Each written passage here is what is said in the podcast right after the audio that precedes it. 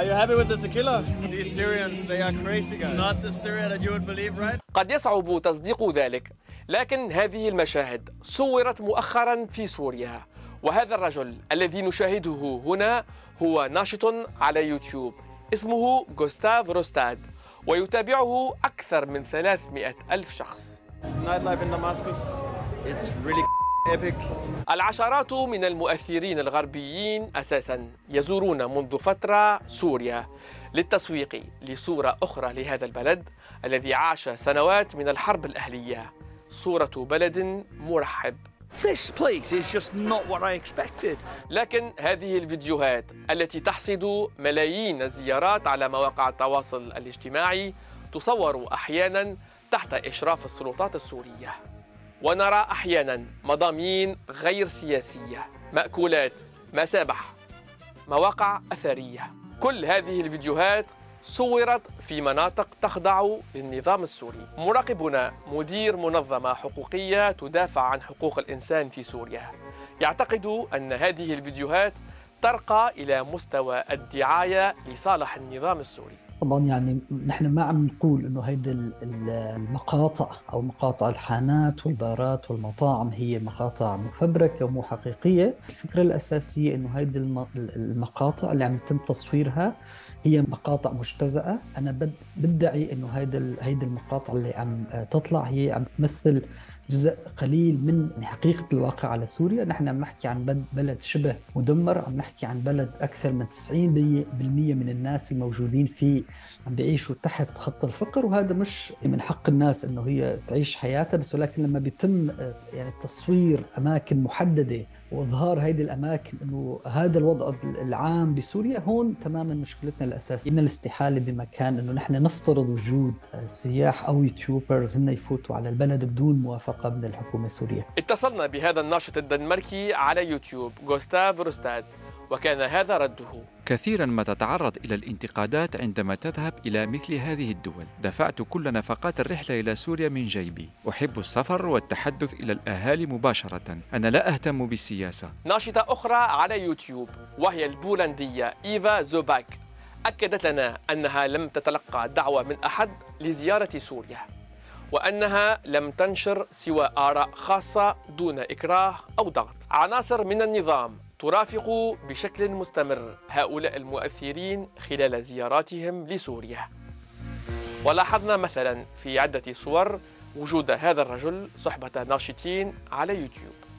استطعنا الكشف عن هوية هذا الرجل الذي يرافق هؤلاء المؤثرين واسمه رامي نوايا.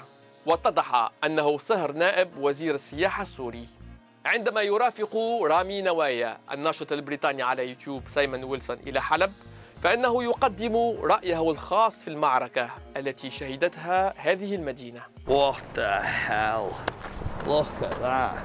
So this whole area has just been completely destroyed by missiles and stuff, is it? Uh, I mean, it's a war. You cannot really uh, tell what destroyed this. All kind of weapons was used. The militants had all kind of weapons. They were supported by Turkey. لكن دون أن يذكر أن الحكومة السورية وروسيا لعبتا دورا هاما في تدميرها خصوصا في آخر أيام هذه المعركة في 2016 Walls missing, rebar twisted, everywhere.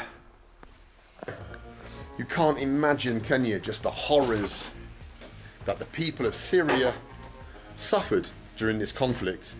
شخصيات ووكالات أخرى ترافق أيضا هؤلاء الناشطين والمؤثرين على يوتيوب نشاط المؤثرين يبدو أنه يرضي السلطات السورية حيث صرح نائب وزير السياحة في يوليو من العام الماضي بأن فيديوهات المؤثرين ساهمت في الترويج الإيجابي للبلاد وهذا لم يفاجئ باسم الأحمد الذي يعتقد أن هذه الفيديوهات تتضمن قدرا من البروباغندا لصالح النظام واللي كان النظام أو الحكومة السورية مسؤول عن جزء كثير كبير إذا مو عن معظم الانتهاكات اللي صارت بهيدا البلد وهيدي الفيديوهات من خلال يعني عدم آه، يعني طرح سرديات أخرى وخاصة سرديات الضحايا هي ممكن اعتبارها فعلا اشتراك مباشر بعمليات التضليل اللي عم تصير بسوريا Rami, my Syrian brother from another mother.